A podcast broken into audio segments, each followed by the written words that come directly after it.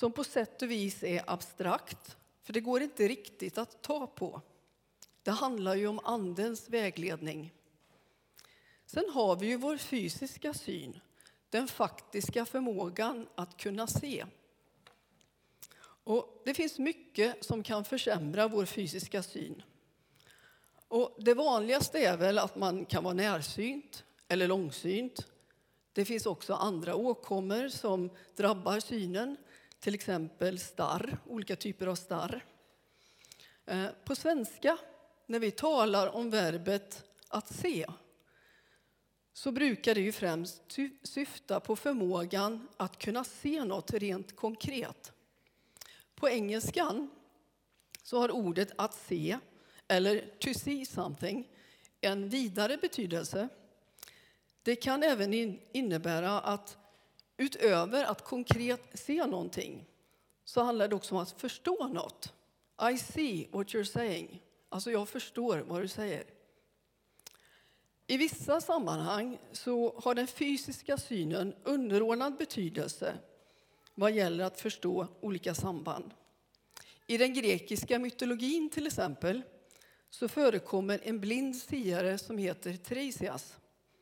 Folk kom till honom för att be om råd och vishet i olika beslut, för att han kunde se. Men hans seende låg i en helt annan dimension. I Bibeln så omnämns blindhet och syn i både fysisk och andlig bemärkelse. I Johannes kapitel 9 så läser vi om hur Jesus botar en man som varit blind från födelsen. Fariseerna ifrågasätter att Jesus botar på sabbaten och de ifrågasätter Jesus legitimitet överhuvudtaget. Till råga på allt har Jesus lyckats att vinna över denna nyligt seende person. Mannen förklarar för fariseerna. Om han, Jesus, är en syndare vet jag inte. Men det vet jag, att jag som var blind nu kan se. Sen frågar Jesus mannen, tror du på Människosonen? Och mannen svarade, vem är han, Herre? Jag vill tro på honom. Och Jesus svarade honom, du har sett honom. Det är han som talar med dig. Då svarade mannen, jag tror, Herre. Och sen föll han ned för honom. Jesus sa, till en dom har jag kommit hit till världen för att de som inte ser skall se och de som ser skall bli blinda. Det var några fariseer som hörde det här och de blev förbryllade. Då frågade Jesus, är kanske vi också blinda? Jesus svarade dem, om ni vore blinda skulle ni vara utan synd. Men nu säger ni att ni ser. Er synd kvarstår. Jesus uppmanade lärjungarna vid ett annat tillfälle att inte lyssna på det fariseerna sa. I Matteus 15, 14 så pekar lärjungarna ehm, för Jesus att eh, påpekar lärjungarna för Jesus att fariseerna tog anstöt när Jesus ifrågasatte deras regelverk. Och Jesus säger Bry er inte om dem, de är blinda ledare för blinda. Och om en blind leder en blind faller båda i gropen. Ett exempel på någon som kunde se fysiskt men som var andligt blind var Saul, som senare kom att bli Paulus. Han förföljde och dödade dem som tillhörde vägen, alltså de kristna och tyckte att han gjorde helt rätt. En dag på väg till Damaskus för att se om han kan finna fler kristna att förgöra så blir han förblindad av ett ljussken. Han är blind i tre dagar och måste bli ledd till Damaskus. Där får han möta Ananias som leder honom till tro och omvändelse. Därefter blir hans syn återställd, både fysiskt och andligt. Men vad är det då som kan hindra andlig klarsyn? Paulus han hade mycket att kämpa med efter sin omvändelse. Något han ofta tar upp är striden mellan köttet, den gamla människan, och anden. I Galaterbrevet 5, 13-26 står det Ni är ju kallad till frihet, bröder. Låt bara inte den friheten ge köttet något tillfälle utan tjäna varandra i kärlek. Hela lagen sammanfattas i detta bud. Du ska älska din nästa som dig själv. Men om ni biter och sliter i varandra är det fara värt att ni gör slut på varandra. Nej, säger jag, låt er ande leda er så ger ni aldrig efter för köttets begär. Köttet är fiende till anden och anden till köttet. De två ligger i strid så att ni inte kan göra det ni vill. Men om anden får styra er står ni inte längre under lagen. Vad köttet ger är lätt att se. Otukt, orenhet, liderlighet, avguderi, trolldom, fiendskap, strider, ofördragsamhet, vrede, intriger, splittringar, kätterier, maktkamp, dryckenskap, utsvävningar och annat av samma slag. Än en gång varnar jag er. De som gör sig skyldiga till sådant ska inte få del i Guds rike. Men Andens frukter är kärlek, glädje, frid, tålamod, vänlighet, godhet, trofasthet, ödmjukhet och självbehärskning. Mot sådant vänder sig inte lagen. De som tillhör Kristus Jesus har korsfäst sitt kött med alla dess lidelser och begär. Om vi har andligt liv, låt oss då följa en andlig väg. Låt oss inte bli inbilska, inte utmana varandra, inte avundas varandra. Så skriver Paulus. Och I Romarbrevet så erkänner han också hur svårt det är att leva andligt i en fysisk, fysisk kropp. Han skriver vi vet att lagen hör till det andliga, men själv är jag kötslig natur, såld till slav under synden. Ty jag förstår inte mitt sätt att handla. Det jag vill, det gör jag inte, men det jag avskyr, det gör jag. Men om jag gör det jag inte vill, då medger jag att lagen är något gott. Då är det inte längre jag som handlar, utan synden som bor i mig. Jag vet att det inte bor något gott i mig, det vill säga i min kötsliga natur. Viljan finns hos mig, men förmågan att göra det som är eh, men inte förmågan att göra det som är gott. Det goda som jag vill, det gör jag inte.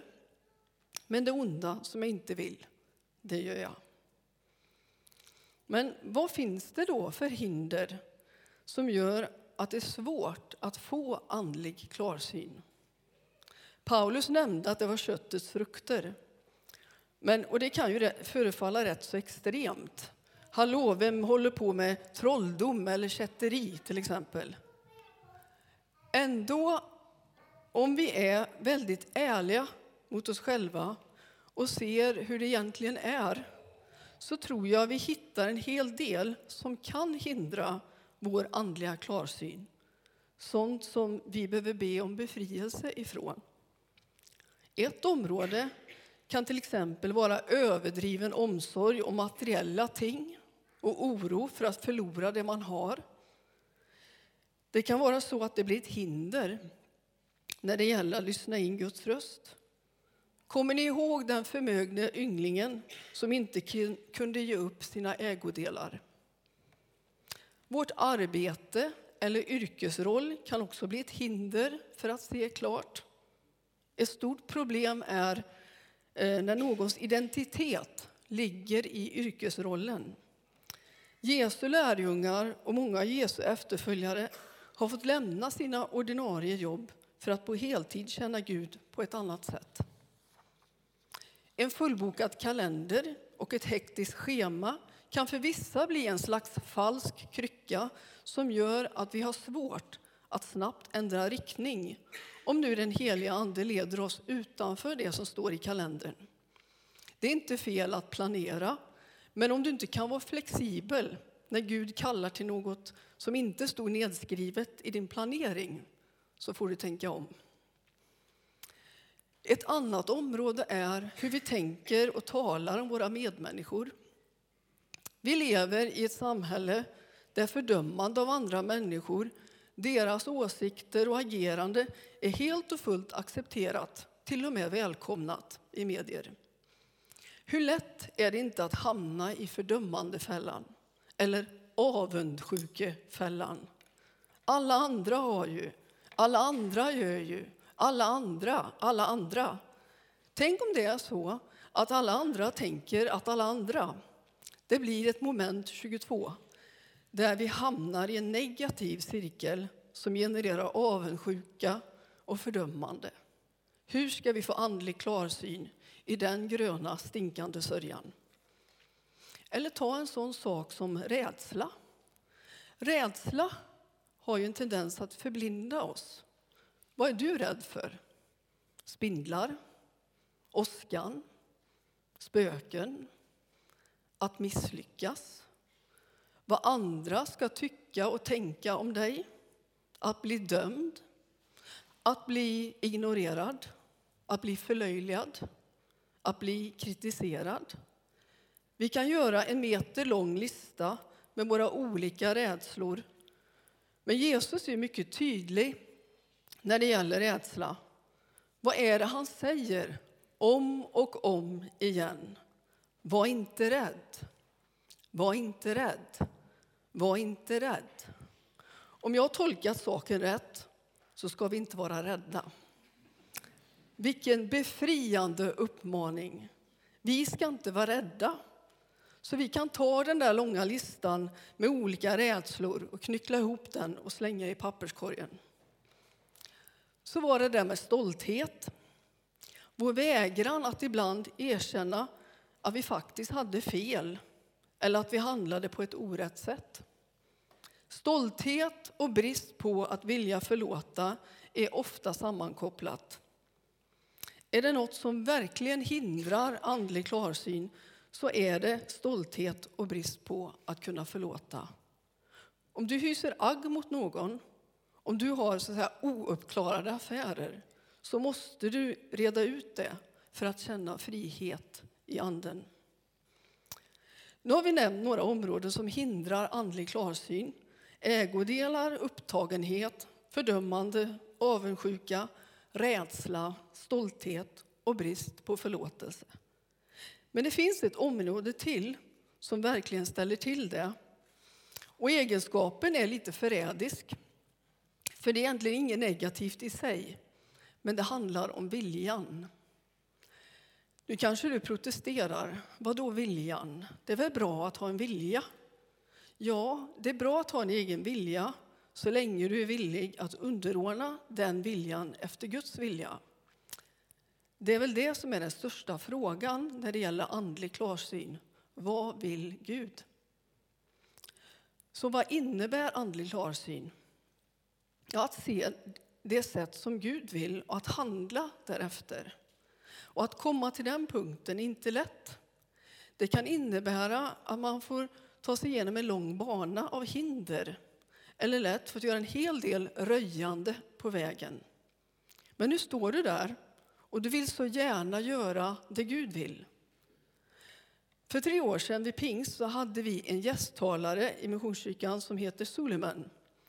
Och eh, han predikade på engelska och hans fru tolkade då till svenska.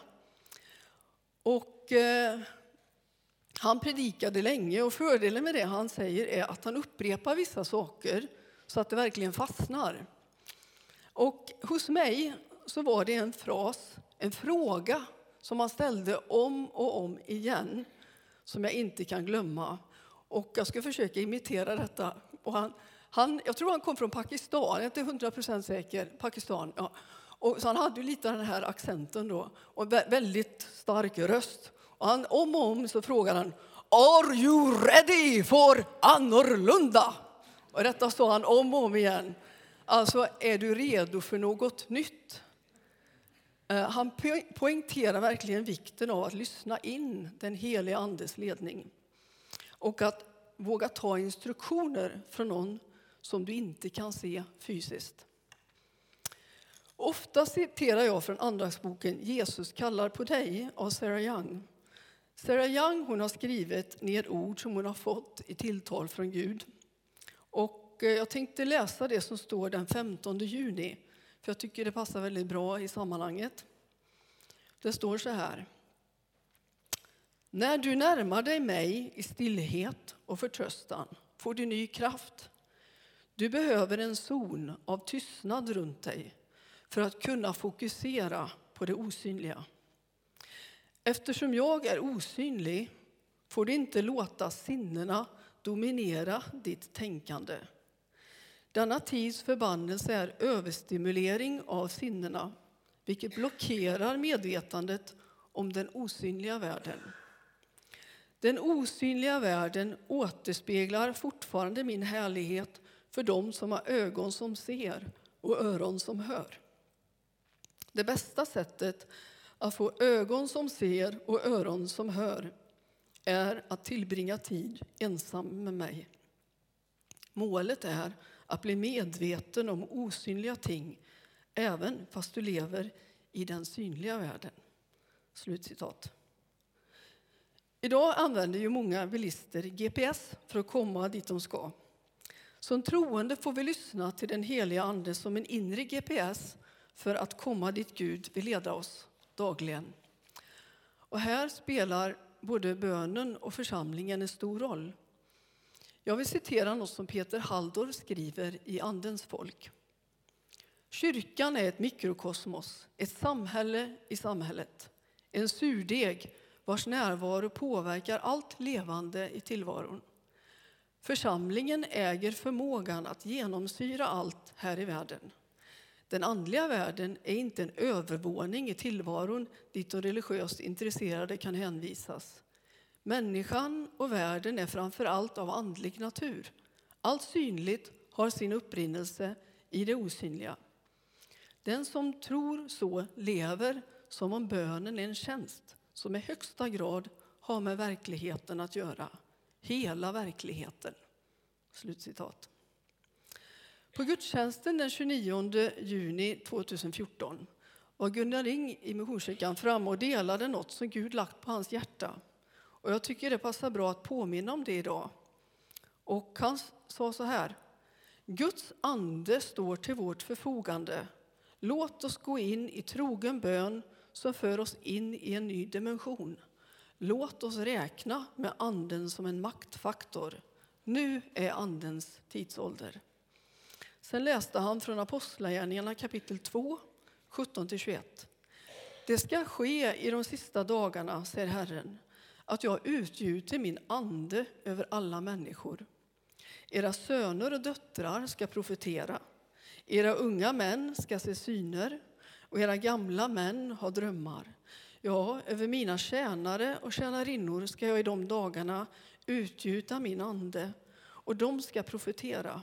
Jag ska låta sällsamma ting visa sig uppe på himlen och tecken nere på jorden, blod och eld och moln av rök. Solen ska vändas i mörker och månen i blod innan Herrens dag kommer, den stora och strålande. Men var och en som åkallar Herrens namn skall bli räddad. Och det här handlar ju om andlig klarsyn. Och en av de föreslagna texterna för det här temat idag är psalm 119, vers 30-35. Sanningens väg har jag valt, dina lagar har jag för ögonen. Jag håller mig till dina lagbud. Svik mig inte, o Herre. Jag löper den väg dina bud visar, ty du har vidgat min insikt. Visa mig, Herre, dina stadgars väg och jag ska följa den till slutet. Ge mig förstånd att lyda din lag, att hålla den helt och fullt. Led min vandring efter dina bud. Den stigen går jag med glädje.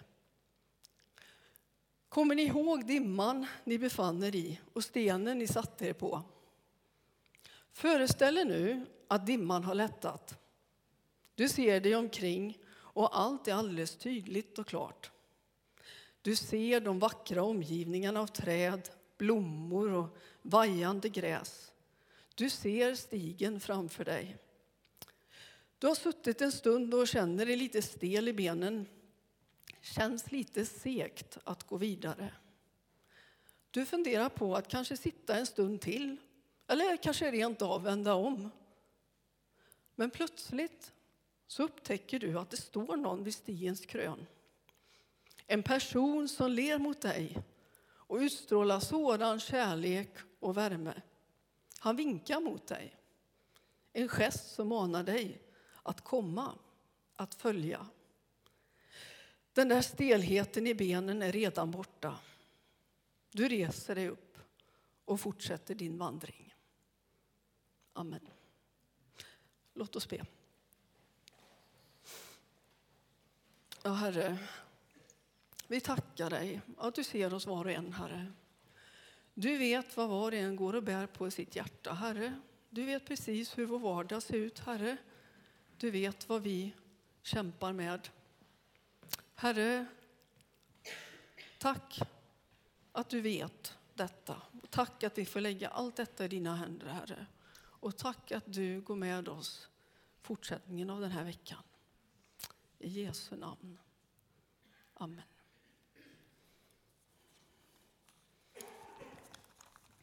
Vi ska fortsätta att sjunga några sånger tillsammans nu. Och den första den sjöng vi förra söndagen i Missionskyrkan.